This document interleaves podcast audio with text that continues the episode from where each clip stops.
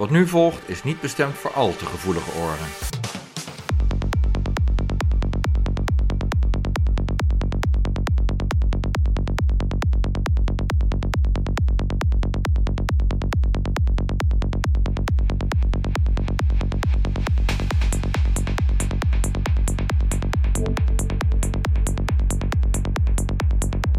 Je hoort een stuk van Liquid Soul, getiteld Neurochemistry, uit 2015. Volkomen elektronisch stuk waar niemand meer van ophoort.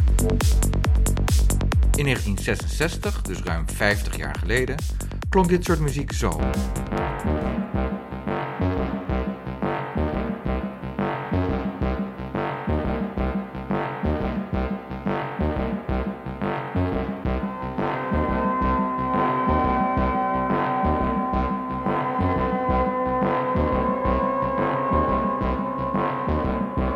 Stuk heet Ripples en is gemaakt door Raymond Scott, een van de uitvinders van elektronische muziek. Dat is muziek zonder muziekinstrumenten. Over Raymond Scott spreek ik Gertjan Blom, een bassist die veel meer is dan een bassist en die Raymond Scott opnieuw onder de aandacht heeft gebracht door diens muziek weer te spelen en zijn platen opnieuw te laten uitbrengen. Dit verhaal sluit aan bij de voorgaande luisterproductie over André Pop. Hoe is Gert-Jan Raymond Scott op het spoor gekomen? kwam omdat een vriend van me genaamd Piet Schreuders, grafisch vormgever, die begon ergens in begin jaren negentig begon die cassettebandjes in mijn brievenbus te gooien. Klinkt Zomaar. heel romantisch. Gewoon zo van, hé, leuke muziek. Nou, hij had toen een radioprogramma voor de VPRO, dat heette Vrije Geluiden. Het kleinste radioprogramma van Hilversum. Dat bestaat helaas niet meer. Piet vond nog alles wat, hè. Zocht altijd materiaal voor zijn programma, dus die vond nog alles wat. In archieven van Hilversum? Of- Ook, ja, of verzamelaars die hem dingen toestuurden. Of eh, ken je dit, of heb je dit alles gehoord? Ik heb een cassette met alleen maar 78 toeren muziek over kippen. Nou ja, die bandje, daar heb ik dan, weet je wel. Zo hoorde ik de eerste dingen van Raymond Scott. En dacht ik, jeetje, dat is interessant. Dat ken ik helemaal niet. Maar André Pop kende je wel. André Pop kende ik wel. En als we nou een, een verbinding moeten maken tussen André Pop en eh, Raymond Scott, Hm. zit er nog een heleboel tussen? Of? Nou, dat valt eigenlijk best mee. Omdat op dezelfde manier als waarop André Pop dus op zoek was naar niet bestaande geluiden. Dus bijvoorbeeld het geluid van een saxofoon achterstevoren. Zodat noten klinken alsof ze uit de sax gezogen worden in plaats van geblazen. Dus dan klinkt het alsof het uit de saxofoon wordt dan, gezogen. dan- nou, speel je hem achterstevoren af. Dan speel je de band achterstevoren af. En zijn er nog andere overeenkomsten tussen Pop en Scott? Mijn grote held Raymond Scott, die heeft eigenlijk best wel een vergelijkbare eh, loopbaan. Die had ook, voordat hij zich in de definitief in de elektronica stortte, had hij ook eigenlijk een, een heel commercieel orkest. Waarmee hij voor de televisie werkte in een programma dat heette Your Hit Parade. Dat was heel, in de jaren 50 een heel populair tv-programma in Amerika. Zijn toenmalige vrouw Dorothy Collins, die zong bij dat orkest. En dat was een soort, wat ze daar noemen, All-American Sweetheart. Een soort van eh, het- The Girl Next Door en iedereen's favoriete schoondochter, zo'n beetje. Weet je wel, zo'n fantastisch rolmodel. Hey, Mr.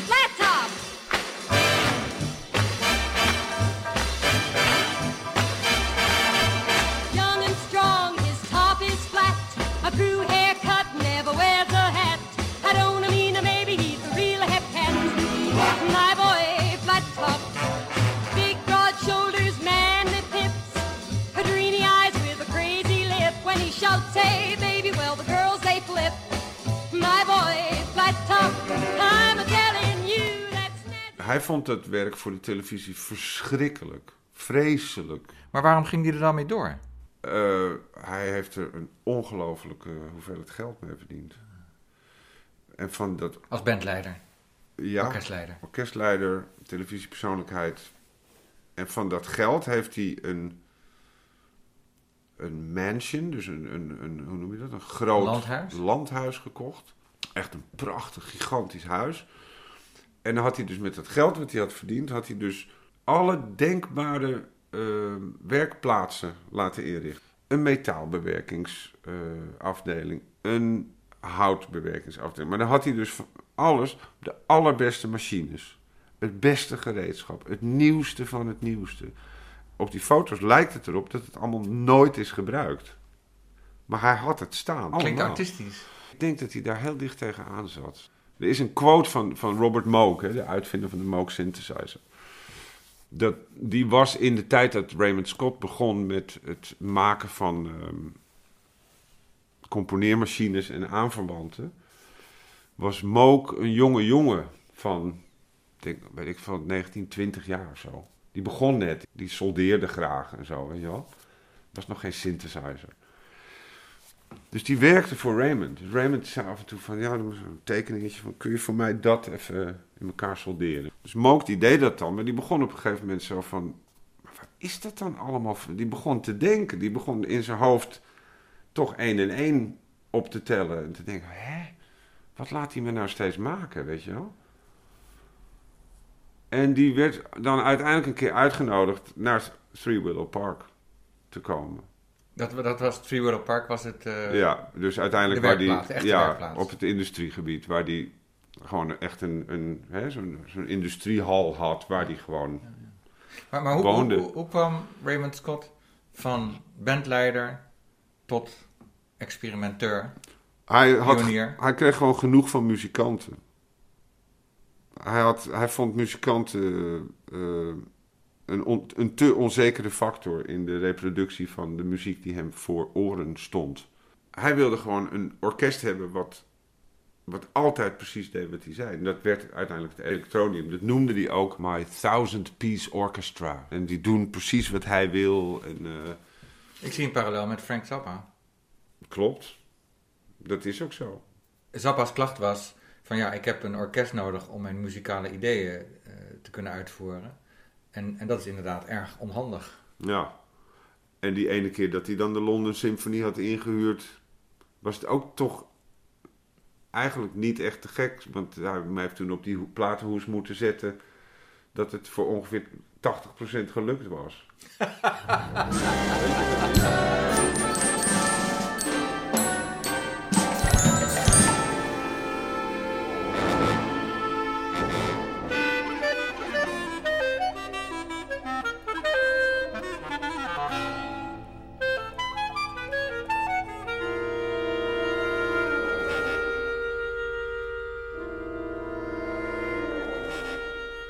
was de enige keer. Hij had, hoe heette dat apparaat nou? Dat is een nieuw. Waar hij dan al die onspeelbare eh, muziek op componeerde. Dus dat apparaat kon het allemaal spelen. En dan ging hij ermee naar het London Symphony Orkest. Die hebben zich de tanden erop stuk gebeten. Het bleek gewoon onspeelbaar te zijn. Ik vond het best wel naïef eigenlijk. Zelfs wanneer jij twintig jaar lang 12 uur per dag op je fagot gaat blazen thuis. En oefenen, oefenen, oefenen, oefenen. Dan nog zijn er dingen die je niet zult kunnen spelen op dat ding. En die schrijft hij. En dan ga je, dan ga je met een pruillipje aan de, aan de zijkant zitten. Van ja, ja, het is eigenlijk maar voor 80% gelukt. Flikker op. Maar, maar gelukkig waren er mensen als, als Raymond Scott die apparaten uitvond die ook muziek konden maken. Waar je geen orkest bij nodig had. Zeker. Hij noemde het het Raymond Scott Electronium. Bijzondere vind ik ook van Raymond Scott. Eh, hè, we hadden het net bijvoorbeeld over, over Zappa en over Stockhausen en over allerlei ja, componisten die zich zeg maar, in, het, eh, in, het, in de klassieke wereld begaven. Dat Raymond Scott al die geluiden ook heeft gepopulariseerd. In die zin dat hij grote bevolkingsgroepen daarmee in aanraking heeft gebracht. Ja. Dat is een heel goed punt wat je nu aansnijdt. The music you are listening to is completely electronic and has been created and produced on equipment designed and manufactured by Manhattan Research, a division of Raymond Scott Enterprises Incorporated. Ladies and gentlemen, if you'll take your seats, please. Our tour of the moon's famous Sea of Tranquility is about to begin. A sightseeing tour on the moon. We at the Bendix Corporation believe it will happen, and before too many tomorrows go by. Already, our astronauts whirl through space nearly 200 miles high. Next thing you know, an unmanned vehicle will rove the moon's surface. Then a manned vehicle will explore it in detail. After that, you'll be there, if you want to be. The Tomorrow people at Bendix are helping to make these things possible, and more in the areas of national defense, aviation, space, oceanics, automotive, and manufacturing. To search, to discover, to develop, to broaden man's knowledge of the world he lives in and the universe around him, to make reality of imagination. This is Bendix, the Tomorrow people. Hij zag meteen, dit zijn de perfecte geluiden voor reclame, voor radio. En hij noemde dat dan ook grab 'em by the ears sounds. Omdat daarvoor, als je een, een radiocommercial had, dan hoorde je meestal een kleine combo met een piano en een staande bas. En een...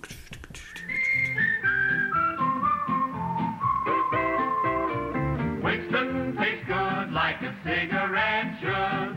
Winston tastes good like a cigarette should. En ineens kwam hij daar met al die rare elektronische sounds. En dat, nou ja, de, die eerste CD die we daarvan hebben uitgegeven, eh, Manhattan Research Incorporated. Je hoort hem zijn rare elektronica toepassen op korte reclames, 30 seconden, minuut. About two years ago, Moss International came to us with a project. They needed a jingle for Vicks medicated cough drops, but the specifications were not just another spot. The air was just too crowded with musical commercials as it was, and a distinctive new sound had to be found. That, ladies and gentlemen, was the trigger that got us started in this new area of electronic music and advertising. This is the first version of our electronic music machine, the one used to create our earliest electronic spot, or semi electronic spot to be more exact. The singing voice you will hear in this next tape is not electronic, not at all. It's Dorothy's. I'd better add the cough is not electronic either. Okay, Chuck, the tape.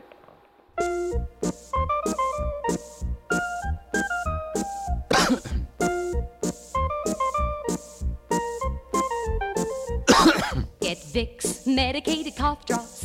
Vic will soothe the tickle away. Get Vicks medicated cough drops. Pick up a pack or two today.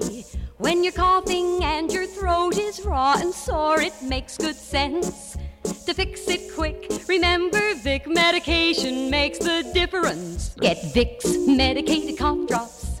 Pick up a pack or two today. Pick up a pack or two today. Deze radiocommercial voor Vicks keelpastilles is nog tamelijk traditioneel. Luister naar een commercial van hetzelfde merk voor de Puerto Ricaanse markt. Daar durfden Vicks en Scott verder te gaan. Pancho era feliz. Hasta que la persistente tos del resfriado arruinó su sueño. Entonces probó jarabe para la tos Vic Fórmula 44 con Silentium, el silenciador de la tos. Silentium llega rápidamente a un lugar del cerebro llamado el centro regulador de la tos donde se controla la tos. Calma el centro, alivia la tos y así le permite dormir. Ahora Pancho es feliz. Calma la persistente tos del resfriado con Fórmula 44. Vic Fórmula 44 con Silentium. De meest vervreemdende muziek kon Raymond Scott gebruiken in commercials die inspeelden op de toekomst, zoals voor Futurama van General Motors. De commercial voor Bendix, een bedrijf voor luchtvaart en auto-onderdelen, heb je al gehoord. Futurama. General Motors Futurama at the New York World's Fair, where you meet the future face to face. It's an experience you'll never forget because the fantastic Futurama ride takes you into the future and makes you feel like you're there in outer space, beneath the sea, in unbelievable places, watching believable things happen. Many of the futuristic things you'll see are already more than just a part of the General Motors Futurama exhibit. They're demonstration models, in a sense, of scientific ideas being developed now. Stroll down our avenue of progress and see this kind of product on display. And also the exciting array of new products in our product plaza. At the fair, see General Motors Futurama first. Take the trip. That's worth the trip to the fair. It's free.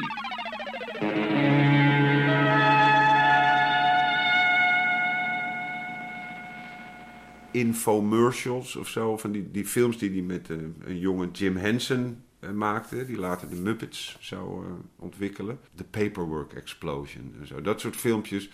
Als je even vergeet dat het een commercial is. Of je, je doet de stemmen uit. Dan denk je, jeetje. Dat is best wel heftig. En toch was het gewoon op de radio. Als je de stem erbij doet, Ja, dan klinkt het heel verteerbaar. klopt. En dan is zo'n eh, paperwork explosion is, ja, ook grappig op een zekere manier. Zeker, ja. De Paperwork Explosion uit 1967 vind ik een hoogtepunt in het werk van Raymond Scott. Het is een filmpje over de eerste tekstverwerker van IBM. Dat hij heeft gemaakt met Jim Henson, die jaren later de Muppet Show creëerde. Zowel de muziek als de montage van de beelden zou je avant-gardistisch kunnen noemen. En dat voor zo'n stijf bedrijf als IBM. Hierbij een geluidsfragment. Op YouTube kun je het hele filmpje zien van 4,5 minuten. Well, now, uh, you can't stop progress. It's not a question of stopping it so much as just keeping up with it. At IBM, our work is related to the paperwork explosion. Specifically, the paperwork in an office.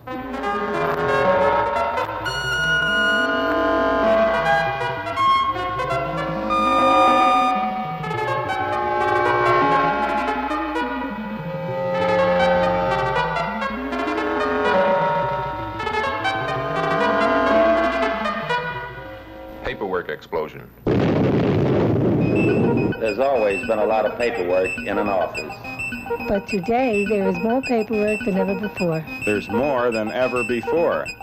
Certainly more than there used to be. In the past, there always seemed to be enough time and people to do the paperwork. There always seemed to be enough time to do the paperwork. There always seemed to be enough people. Better to do the paperwork. There always seemed to be enough time and people to do the paperwork. But today, there isn't. Today, there isn't enough time. Today, there aren't enough people.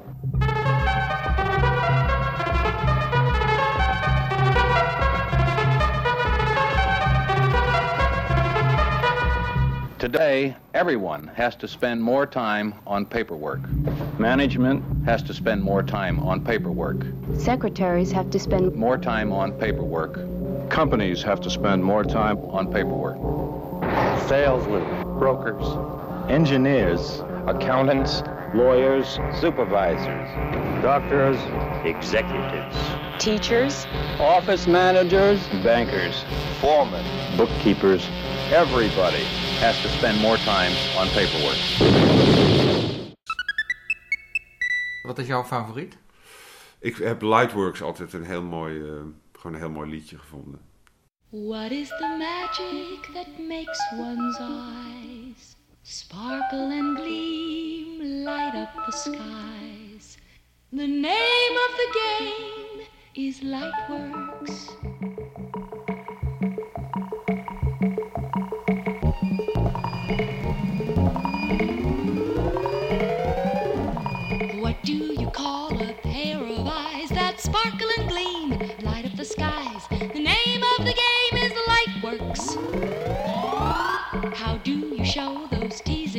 So they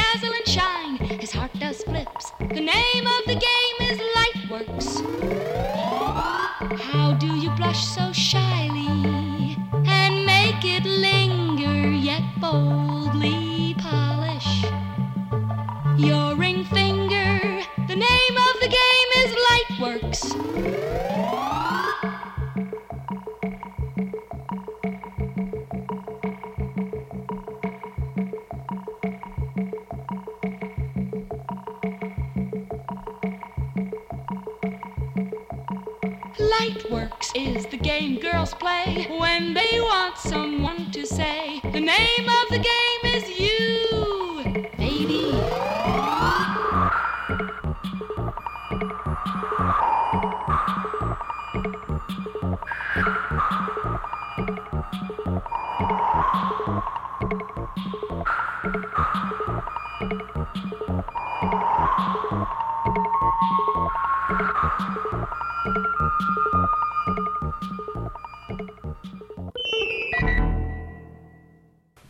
twee CD's, Manhattan Research Incorporated, dat zijn mijn favorieten die daarop staan. Want ik had 80 uur materiaal En hoe kom je aan het materiaal? gaan halen in Kansas City. Het Marr Archive aan de University of Kansas City, Missouri. Daar heeft Mitzi Scott, de, de laatste weduwe, heeft de hele nalatenschap die in, in ehm, Los Angeles in hun huis in de garage stond inmiddels. Zij heeft dat op een gegeven moment geschonken aan die eh, universiteit. Hij bewaarde alles. Dus er waren heel veel tapes. En ook eh, uit een tijdperk daarvoor eh, van die schellak ehm, platen. Waar je dus meteen in de groef opnam, weet je wel. Dus, ik heb daar op een gegeven moment om de hoek een hotel geboekt. Ik heb daar gewoon twee weken gewoond eigenlijk in dat hotel. En dan ging ik s ochtends om acht uur stond ik voor de deur. Bandjes kopiëren in real time. Gewoon wachten, zitten, aan, zitten, kijken. Zo. Tot vijf uur. Met een dat recorder? Datjes, ja. Dat, dat was het toen. Dat, ik heb al die doosjes nog ergens. En, en, en, en de apparatuur die je nodig had om het af te spelen? Ja, dat was was, een perfect ge geoutilleerd eh, archief daar.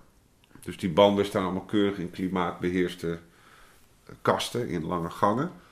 En hoe, hoe kies je dan wat je moet hebben? De volgende band. Je hebt gewoon alles gekopieerd? Tuurlijk. Ik heb alles gekopieerd. Ik dacht, ik ben hier nou, weet je wel, ik heb het geld uitgegeven, ik had gevlogen, ik had hotelkamer, ik had tijd. Het kostte, het kostte niks. Ik hoefde er niet voor te betalen. Vond je het fijn dat je er was? Ja, archieven vinden het altijd fijn, want daar doen ze het voor. Als, als we nou even teruggaan naar die, eh, die band eh, die hij leidde. En, en daar schreef hij ook muziek voor, hè? Ja. In de jaren 30. eh, Dat was een quintet. Een quintet? Ja. Maar de, de- die muziek was toch ook anders dan anders? Die muziek was krankzinnig van het Raymond Scott Quintet. En die had ook bijbehorende krankzinnige titels. Zoals A Boy Scout in Switzerland. Of Celebration on the Planet Mars. Dinner Music for a Pack of Hungry Cannibals. Niemand had dat soort titels. The quintet plays a Lucky Strike Extra. A modernistic march, a yodel, and an echo are the basis of Raymond Scott's newest composition, A Boy Scout in Switzerland.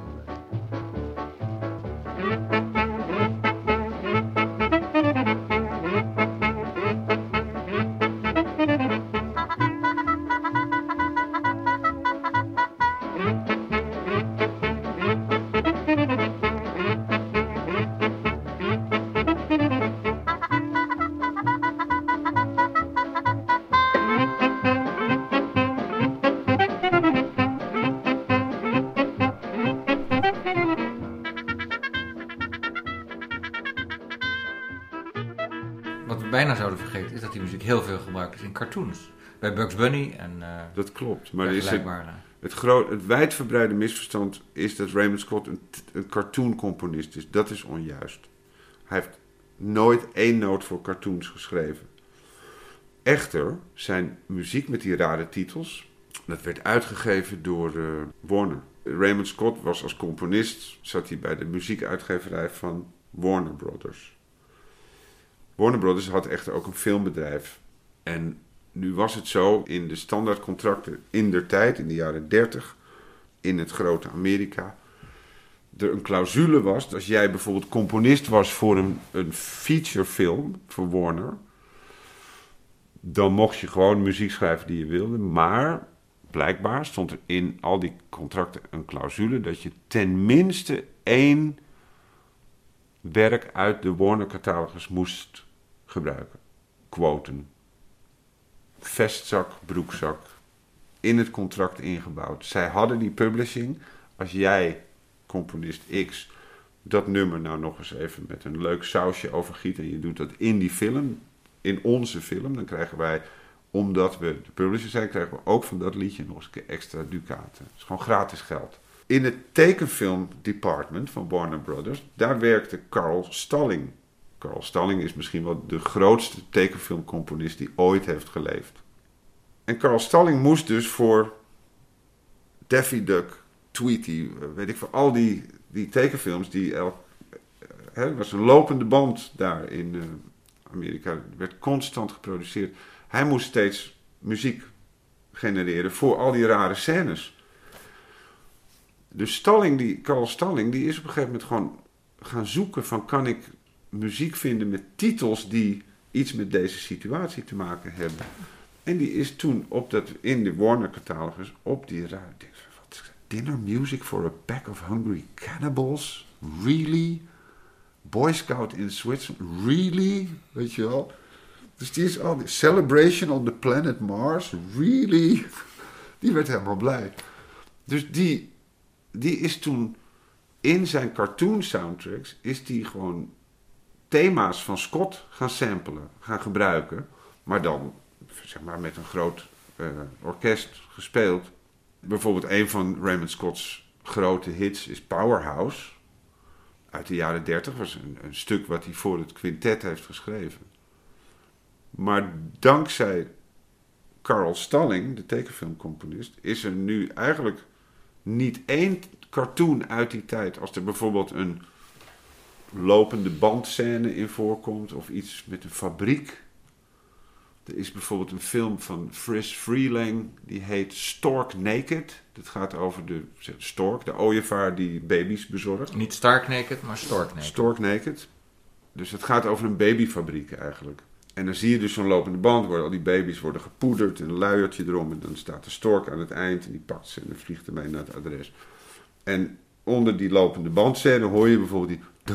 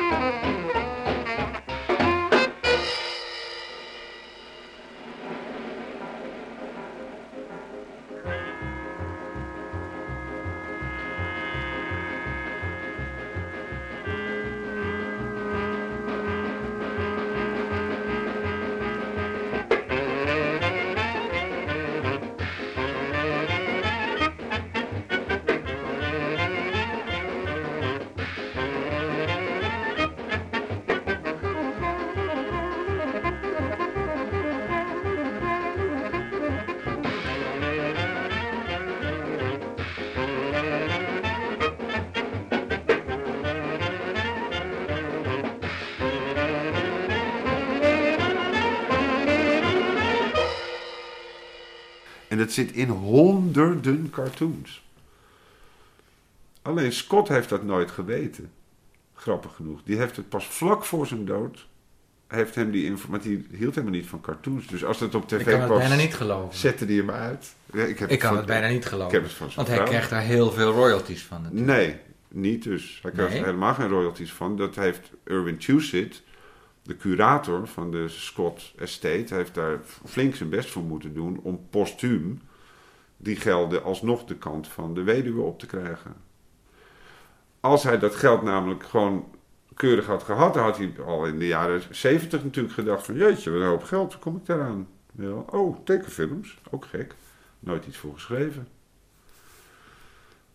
Schandalig. Erg, ja, maar goed, zo, zo gaan die dingen soms. Want hij had die muziek al uitgegeven bij Warner Brothers. Precies. Die hadden de rechten. Ja. En, en er stond niet in het contract als die nog een keer er- ergens anders voor wordt gebruikt, die muziek. Dan krijg je er ook een betaling van. Hè? De nevenrecht Nou ja, en het is, het is dat, dat soort dingen moet je ook weten. Citaatrecht is het Citaatrecht. eigenlijk. Want, want er werd nooit een heel nummer van hem gespeeld in een cartoon. Het ging altijd maar om 12, 13, 14 seconden.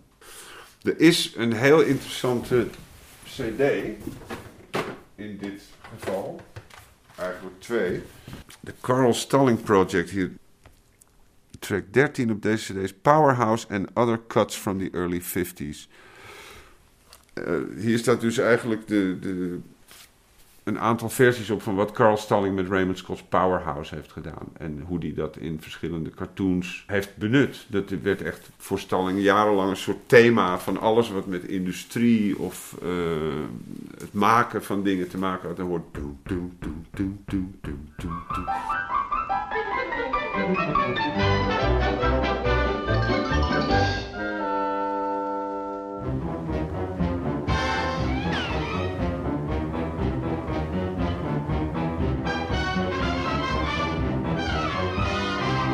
Jij hebt die muziek van dat quintet opnieuw laten uitvoeren. Ja, opschrijven en toen spelen, ja. Opschrijven? Hoe bedoel je opschrijven? Het best- ik, eh, er was geen bladmuziek van. Ik had de 78 toerenopnames.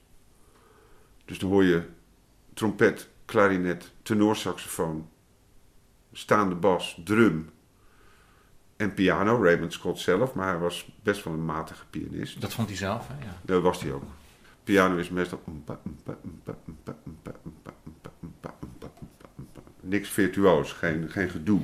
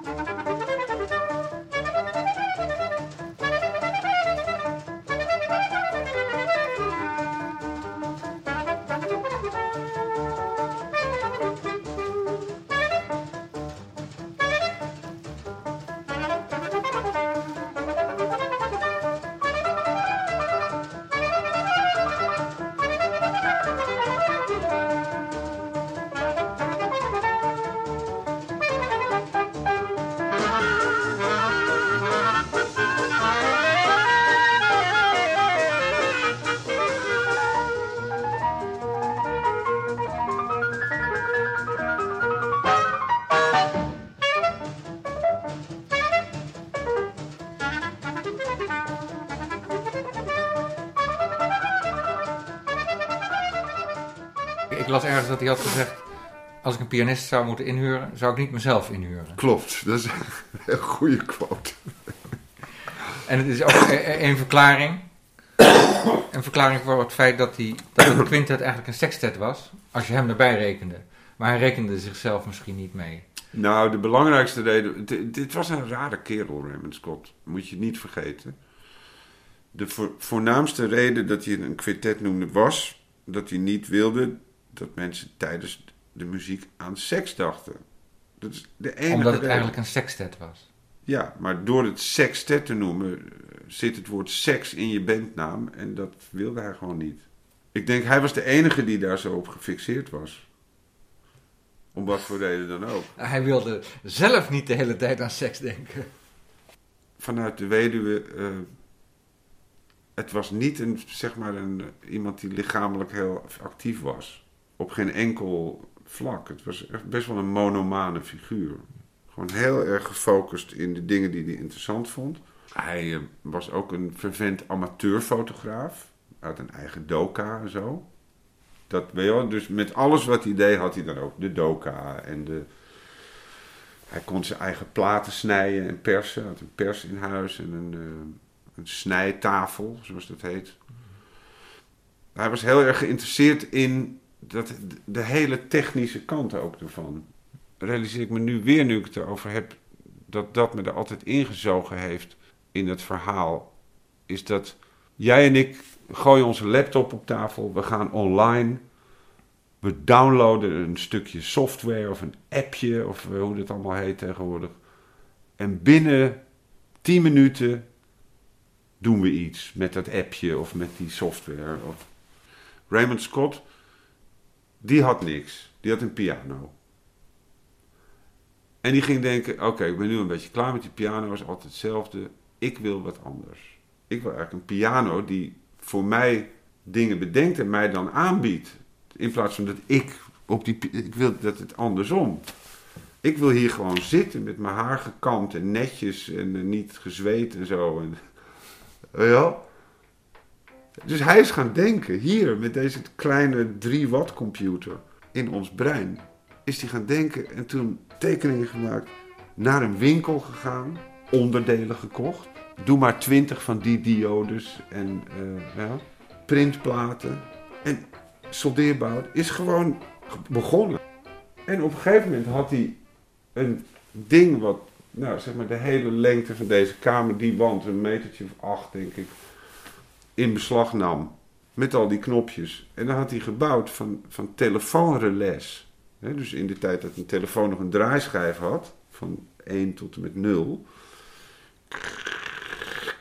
had hij aan elk cijfer op die draaischijf had hij een toongenerator. Dus als jij een 1 draaide, kreeg je een ander geluid dan wanneer je de 7 draaide.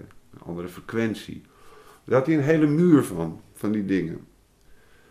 Dus Mook, Robert Mook, die vertelde een keer dat hij die kamer binnenkwam. Hij had iets aanstaan en het werd opgenomen. Maar Mook zei, ik kon de muziek niet horen vanwege al die relais die maar aan het klikken en het klakken waren. Pas toen de band gestopt werd en die hem terugdraaide en de band afspeelde, kon ik horen wat de muziek was. Want toen, toen klapperden die dingen niet meer, weet je wel. Well, I don't understand. Uh, you have to reset the 8 by 8 No, I didn't see you do that. No, the uh, you don't reset the eight by eight. Whatever you set up on those eight, now those eight now will feed, will go over there. So actually, uh, you're taking a series of eight wires. Let's use eight, like eight single wires, and you're connecting them. And normally, those eight wires, when you go on one, two, three, four, five, six, seven, eight, on any one of those uh, things Row across, straight across, it goes yeah. to one, two, three, four. Now, if you go to a row and you change it, instead of one going to one up there, one is going to go to four up there now, and that's how they change. Uh, It's a little complicated. This is one.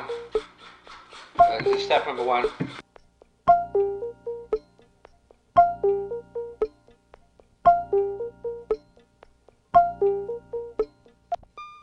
Now this is number two.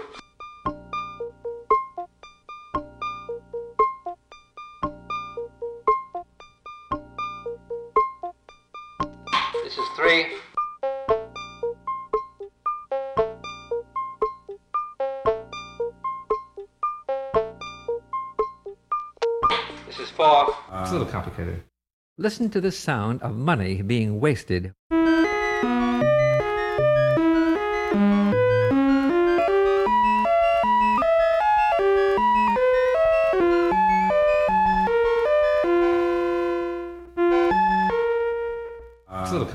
Terug naar het Raymond Scott Sextet. Eh, Pardon, eh, Quintet. Er was geen bladmuziek meer? Klopt. En dat kwam omdat hij, hij zei dus tegen zijn eh, quintet, ze mochten niks opschrijven. Dus heel erg popmuziek. Hè? Dit is dan begin jaren 30. Hij liet ze improviseren, totdat hij iets hoorde waarvan hij dacht, dat was te gek. En hij nam al die improvisaties nam die op. Dus die, die, die platen, die transcriptiediscs uit de jaren 30, die liggen allemaal in Kansas City. Ik heb een groot deel gehoord. Dus hij, hij componeerde niet op papier? Nee, hij begon gewoon, hij ging aan de piano zitten. Dan ging hij... En dan zei hij tegen de klarinetist... eh, you play... Um,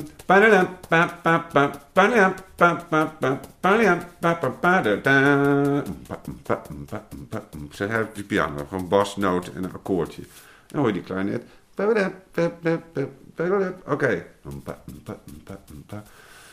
Nou, tenor sax.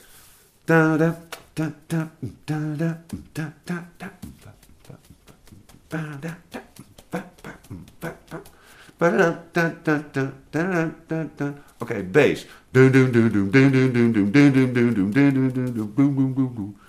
En zo werd het opgebouwd. Dus hij liet ook die jongens wat aanbieden. Van, van neem maar solo, ga maar spelen.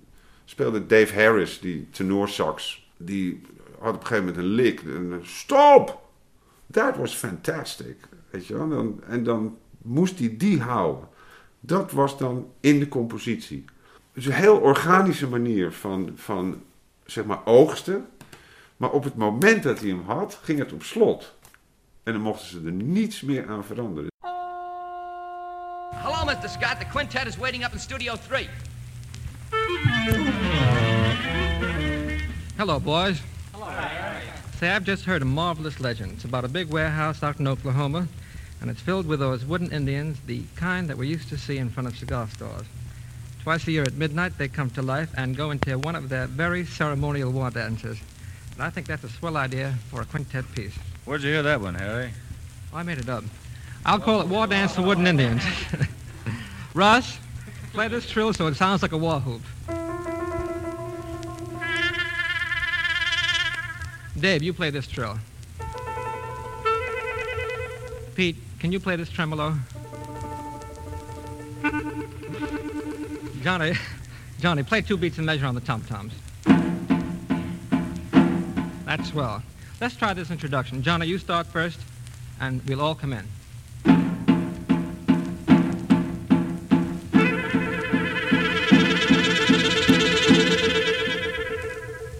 Now I need some kind of melody. It ought to be choppy, wooden Indian style. Pete, try this.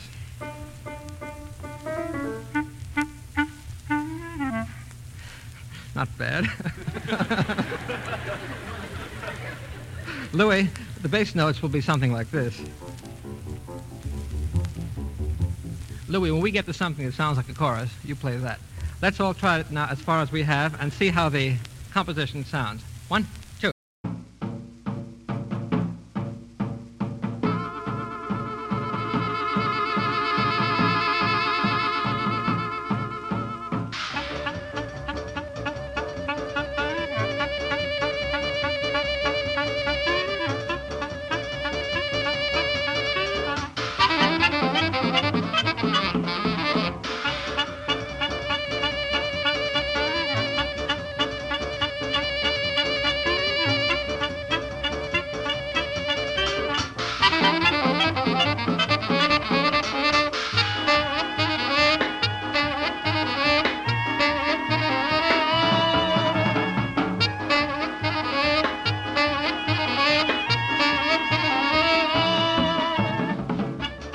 dus die transcriptiediscs mee naar huis. En dan ging hij thuis s'avonds hij allemaal afluisteren en aantekeningen maken. En dan de volgende dag wist hij... Oké, ik wil, zoals we het hebben gespeeld op disc 1... wil ik het tot aan maat dat, maar dan vanaf maat zoveel wil ik het vanaf disc 4. Die, zoals we het eh, op de vierde keer speelden. Want daar heeft die tenorsax dat mooie loopje. En dan legde hij uit aan de muzici. En zo ontstond het dan. Maar interviews met muzikanten die met hem werkten in de tijd, die zeiden, wij werden helemaal gek van hoe vaak hij wilde repeteren. Dan ging hij het nog tien keer repeteren. En werd het toen beter? Nee, natuurlijk niet. Een trompetist gaat dan namelijk door zijn lip. Want een, dit is heel dun huid. Dus een Ja. trompetist kan vijf keer, zal maar zeggen, heel erg goed pa, pa, pa, doen. Maar vanaf de zesde keer gaat hij zeggen, eh, het zit er nog één keer op. Weet Oh ja? ja. En dan blaas je door je lip en dan is het hoog weg. Dan gaat het pijn doen en wordt onplezierig. Hij had er scheid aan. Heel maniacaal. Je hebt toen voor twee albums muziek opgeschreven. hè? Ja. En laten uitvoeren door het Metropoolorkest. Nee, zelf gedaan. Ik had een groepje, dat heette aanvankelijk de Wooden Indians. En later hebben we dat Bohungs Sextet genoemd. En eh, daarmee hebben we twee cd's gemaakt met transcripties van opnames van het Raymond Scott Quintet. Dus al dat jaren spul.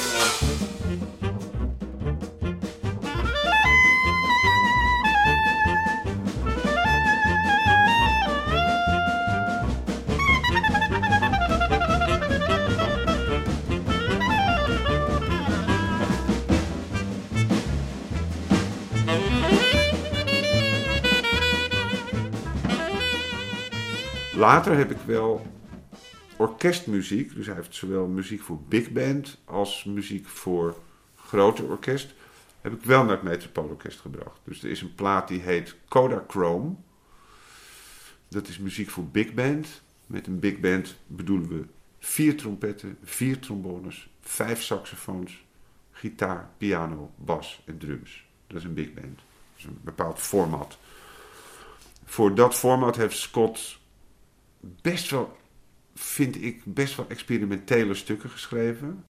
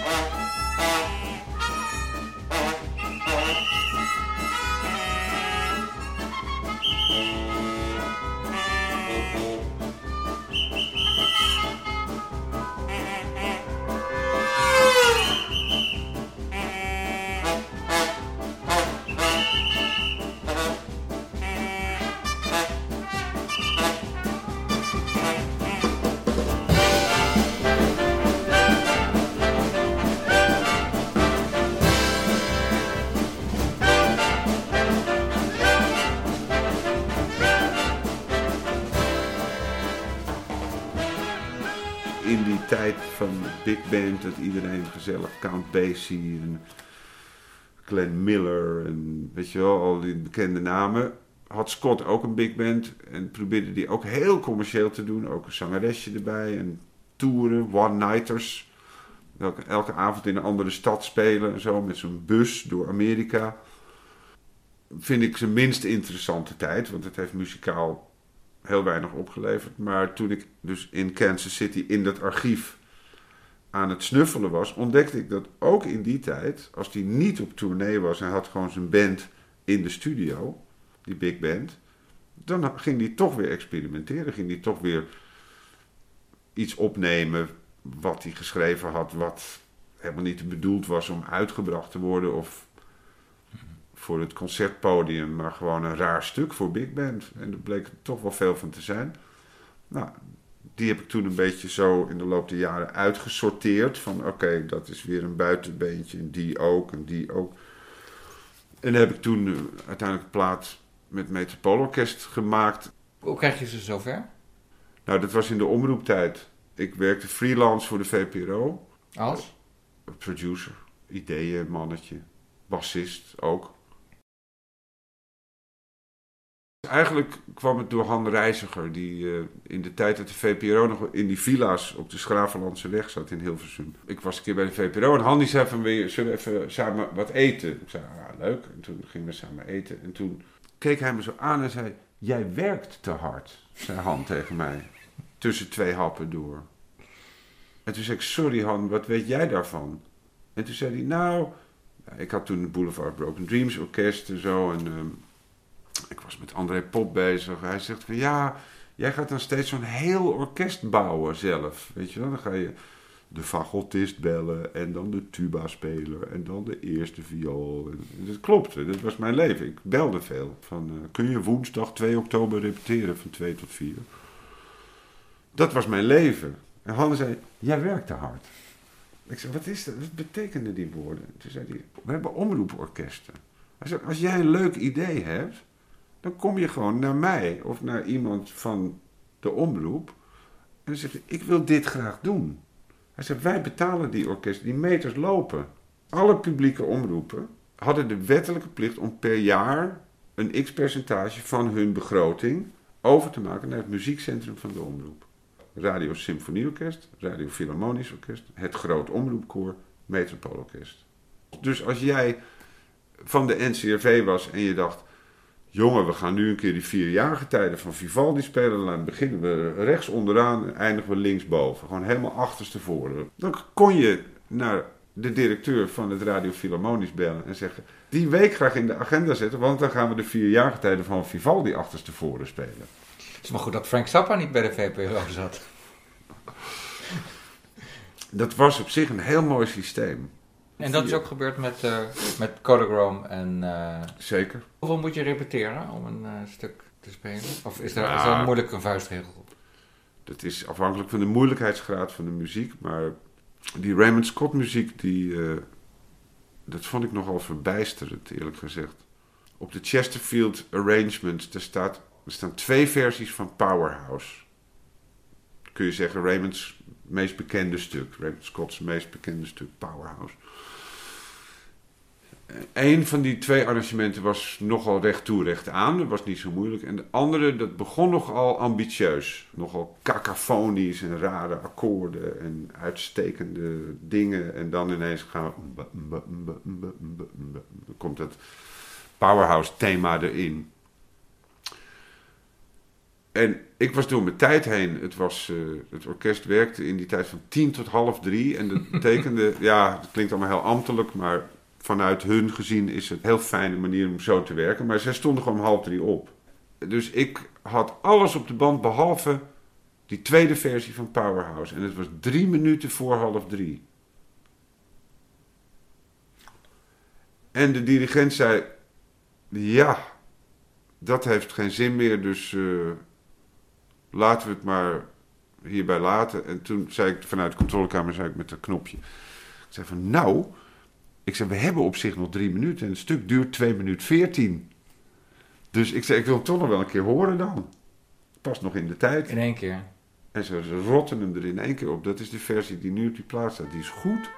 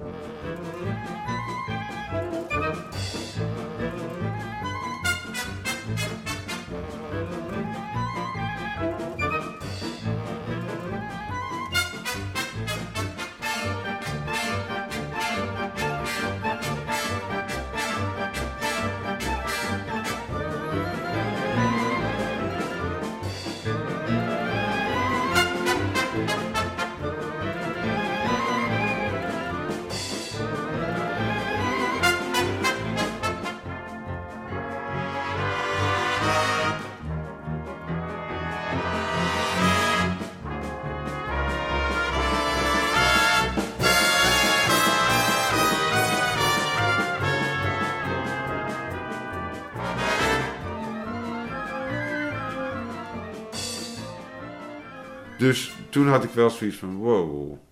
Niet één foute noot, maar los daarvan. Muziek bestaat niet bij de gratie van foutloos. Maar gewoon echt met, met, met gusto gespeeld en uh, gewoon echt een goede versie.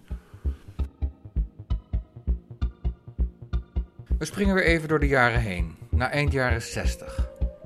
Raymond Scott heeft al een aantal carrières achter de rug met quintetten, sextetten, orkesten en big bands. Hij heeft inmiddels een indrukwekkende hoeveelheid machinerie bij elkaar laten solderen, waar hij wonderlijke geluiden uithaalt. Hij maakt interessante radiocommercials, maar het grote succes laat nog op zich wachten. Totdat Barry Gordy, de oprichter van het roemruchte soul-label Motown, van zich laat horen. Door één krantenartikeltje wordt dan de aandacht van Barry Gordy getrokken. En die is op dat moment al verhuisd vanuit Detroit. Detroit is dan Motor City, daarom heet het ook Motown, naar Los Angeles. En toen hij daar zat, verscheen er een artikel in de krant over Raymond Scott met zijn componeermachine. En er stond een foto bij van Scott met dat ding, nog helemaal zonder bekisting, alleen maar een hoop knopjes en draadjes en zo. En Barry Gordy had het gelezen en die had een soort, daar een soort brainwave van gekregen. Zo van, wacht eens even, dit is de toekomst van de dansmuziek. Dat er een apparaat is die gewoon al die grooves en die ritmes genereert.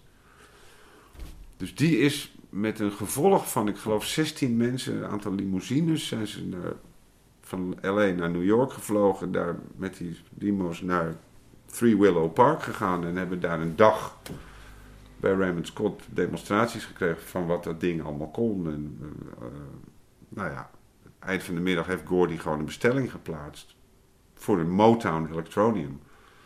Want die dacht, als ik dat ding heb, dan gaan we, dan gaan we zaken doen. Maar helaas, Raymond Scott's Electronium was nog niet klaar voor gebruik.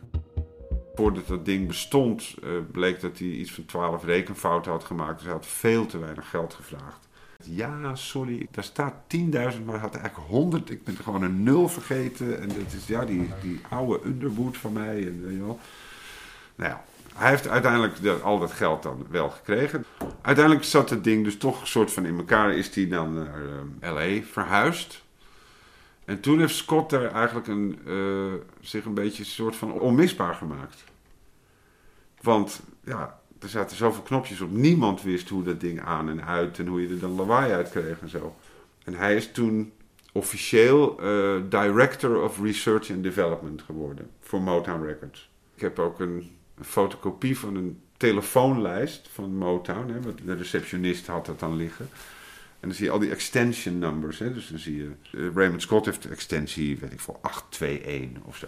Maar je ziet ook Diana Ross, uh, Marvin Gaye, Smokey Robinson. Die schreven liedjes daar de hele dag. Die hadden kantoor. Stevie Wonder stond erop. Die hadden allemaal extensions. En Mr. Scott was dus een beetje de mad professor met zijn rare componeermachine.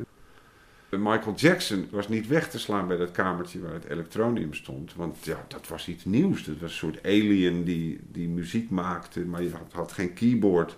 Dus je kon er geen bestaande dingen op spelen, weet je wel. Dat...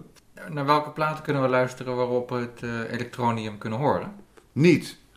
Uh, want zover is het nooit gekomen. Het heeft heel veel geld gekost aan Barry Gordy. Nogmaals, ik heb de correspondentie die dat uh, onderschrijft. Steeds als Barry Gordy dus indruk wilde maken op, zijn vakbroeders. En zei van, nou, je moet een keer langskomen op Mo West. Want ik heb, nou, ik heb dus de toekomst van de dancemuziek heb ik in huis. Moet je echt even komen.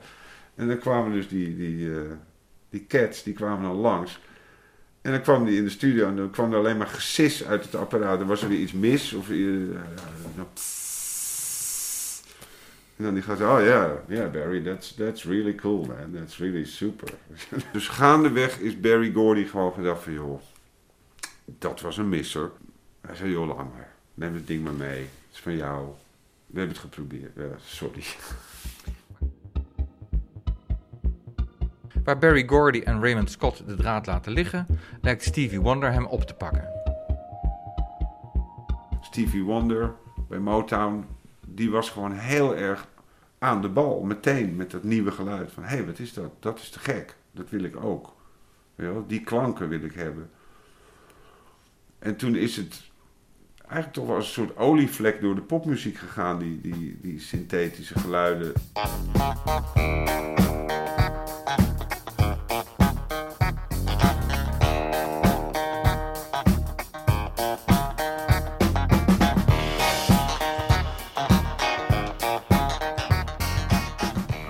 Kant had je voor de klassieke markt Wendy Carlos. Ooit begonnen als Walter Carlos met Switched on Bach 1. Dat werd een enorm succes. Dus thema's van Bach gespeeld op de Moog synthesizer. Dat werd wereldwijd zo'n groot succes dat Walter Carlos van de royalties van die plaat zijn seksoperatie heeft kunnen betalen. En Wendy werd.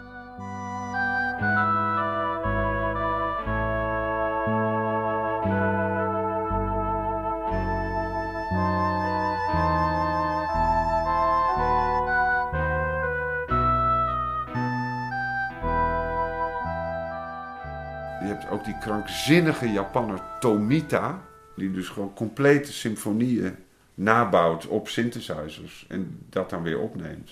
Eh, Tomita die pakt eh, de Planets van Holst.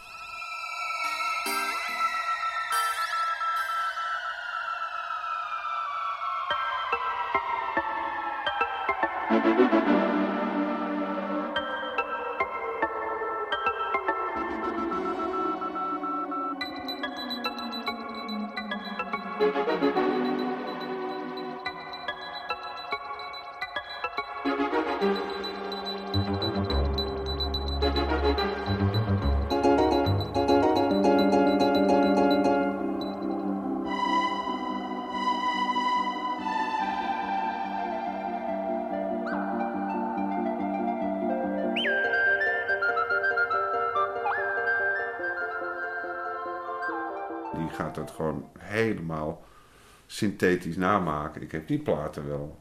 Het is waanzinnig om te horen. Ik bedoel, het is ook super kitsch. Maar het gaf gewoon aan wat er inmiddels mogelijk was met die synthesizers. Want het werd natuurlijk eerst een beetje als een soort gek, gekkigheid afgedaan. Dus elektronisch geluid, ja, dat klinkt niet zo mooi als een viool, meneer. Maar die Tomita, die, tegen de tijd dat we daar zijn, zo begin jaren zeventig, dan, dan denk je, ja, eh, het klinkt eigenlijk veel beter dan een symfonieorkest. Dus ik bedoel, qua evolutie, hoe snel, hoe snel de dingen gaan. Wij hebben nu dingen in onze telefoons zitten, daar had je vroeger een hele wand voor nodig. We hebben net eh, in Amsterdam een Amsterdam Dance Event gehad. Ja. Er kwamen 400.000 mensen op af. 2.500 muzici. Maar heel veel van die muziek is, zijn samples. Het, zijn, het is allemaal elektronisch. Ja. Die kennen Raymond Scott niet. En die kennen André Pop niet.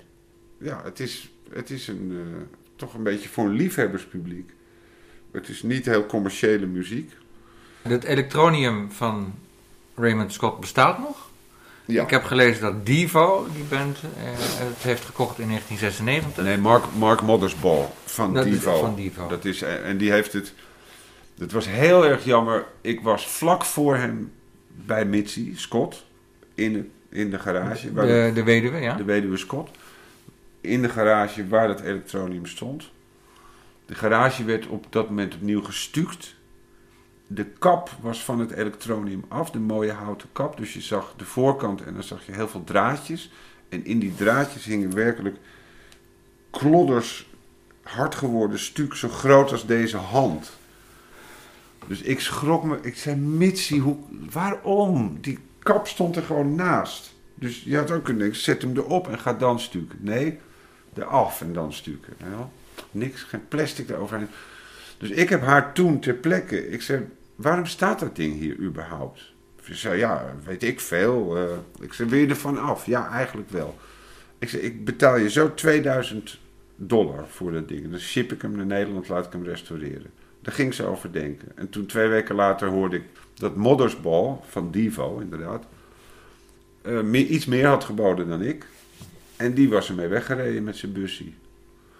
En die heeft een bedrijf op, ik geloof op Hollywood Boulevard. En daar staat dat ding nu als een soort trofee, als een soort hertengewei aan de muur.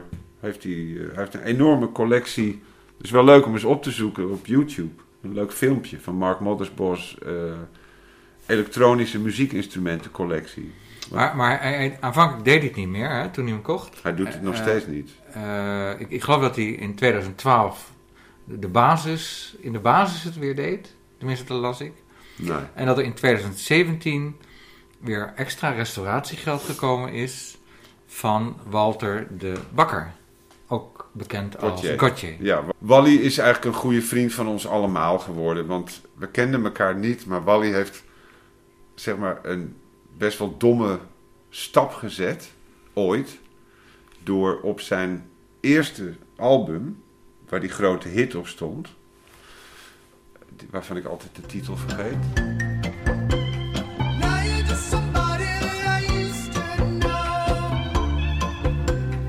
Dat werd een, grote hit, waardoor dat album dus blijkbaar wereldwijd 8 miljoen keer over de toonbank ging. Nu blijkt, wisten wij ook niet, dat het allerlaatste track, geloof ik, op dat album is iets wat hij gewoon van Manhattan Research af heeft gehaald en op zijn plaat heeft gezet. Namelijk de stem van Raymond Scott, die zegt: All the music. You're listening to is completely electronic and has been created and produced on equipment designed and manufactured by Manhattan Research, a division of Raymond Scott Enterprises Incorporated. En die track, die duurt dus eh, 13 seconden of zo. Daar heeft Wally van gedacht van... dat is nou leuk als laatste track op mijn plaat. Dus hij heeft gewoon die track gedacht... ah ja, een man zegt wat, weet je wel, 14 seconden moet kunnen. Dus heeft hij gewoon op die plaat gezet, persen maar 8 miljoen keer verkocht. En toen werd Basta daarop geattendeerd. Van zeggen, is dat niet... huh? Ja, dus die man van Basta, die... Nou, gelukkig is Jeroen? dat... Jeroen, ja. Gelukkig is dat iemand die eh, het hart op de goede plek heeft. Hè? Want op het moment dat iemand zoiets doet... Als jij een track van willekeur wat, wat niet van jou is op jouw plaats zet... en je gaat die pers, je verkoopt 8 miljoen keer... dan lig je op je rug.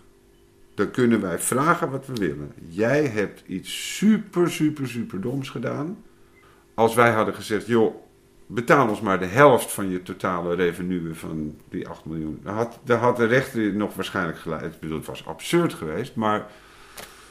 Dus wat heeft Jeroen gedaan? Die heeft gewoon contact gezocht met, met, eh, met Wally. Want die redeneert zo van, ja, maar dit is een Raymond Scott fan. Dat kan nooit een klootzak zijn, toch? Iemand die die plaat heeft en kent en dan die 12 seconden denkt ja, die wil ik op mij. Ik bedoel, dat is een liefhebber. Contact gezocht, nou, dat bleek helemaal te kloppen. Toen is Wally een keer langsgekomen, eigenlijk bevriend geraakt. Hij is ook een keer hier langsgekomen, een hele dag. Eh, toen heb ik hem heel veel verteld over Raymond Scott en dingen laten horen waar ik mee bezig was. En, ehm,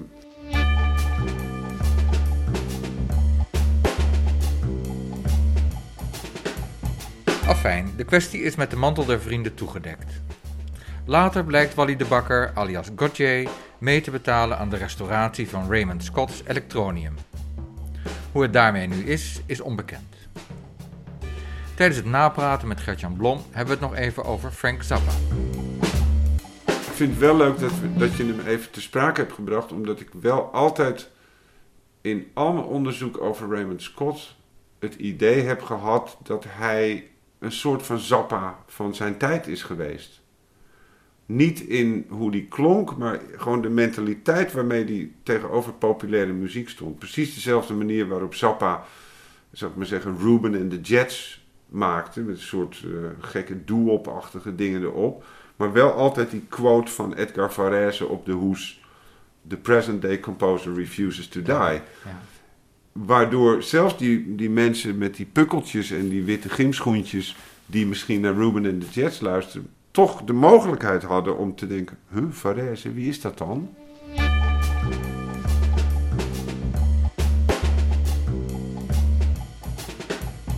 Laat de volgende aflevering van deze luisterserie over elektronische muziek nou net over Frank Zappa gaan. Op advies van Gert-Jan spreek ik Code Kloet, een journalist en radiomaker die warme banden onderhoudt met de Zappa-familie. Mijn naam is Peter de Ruiter.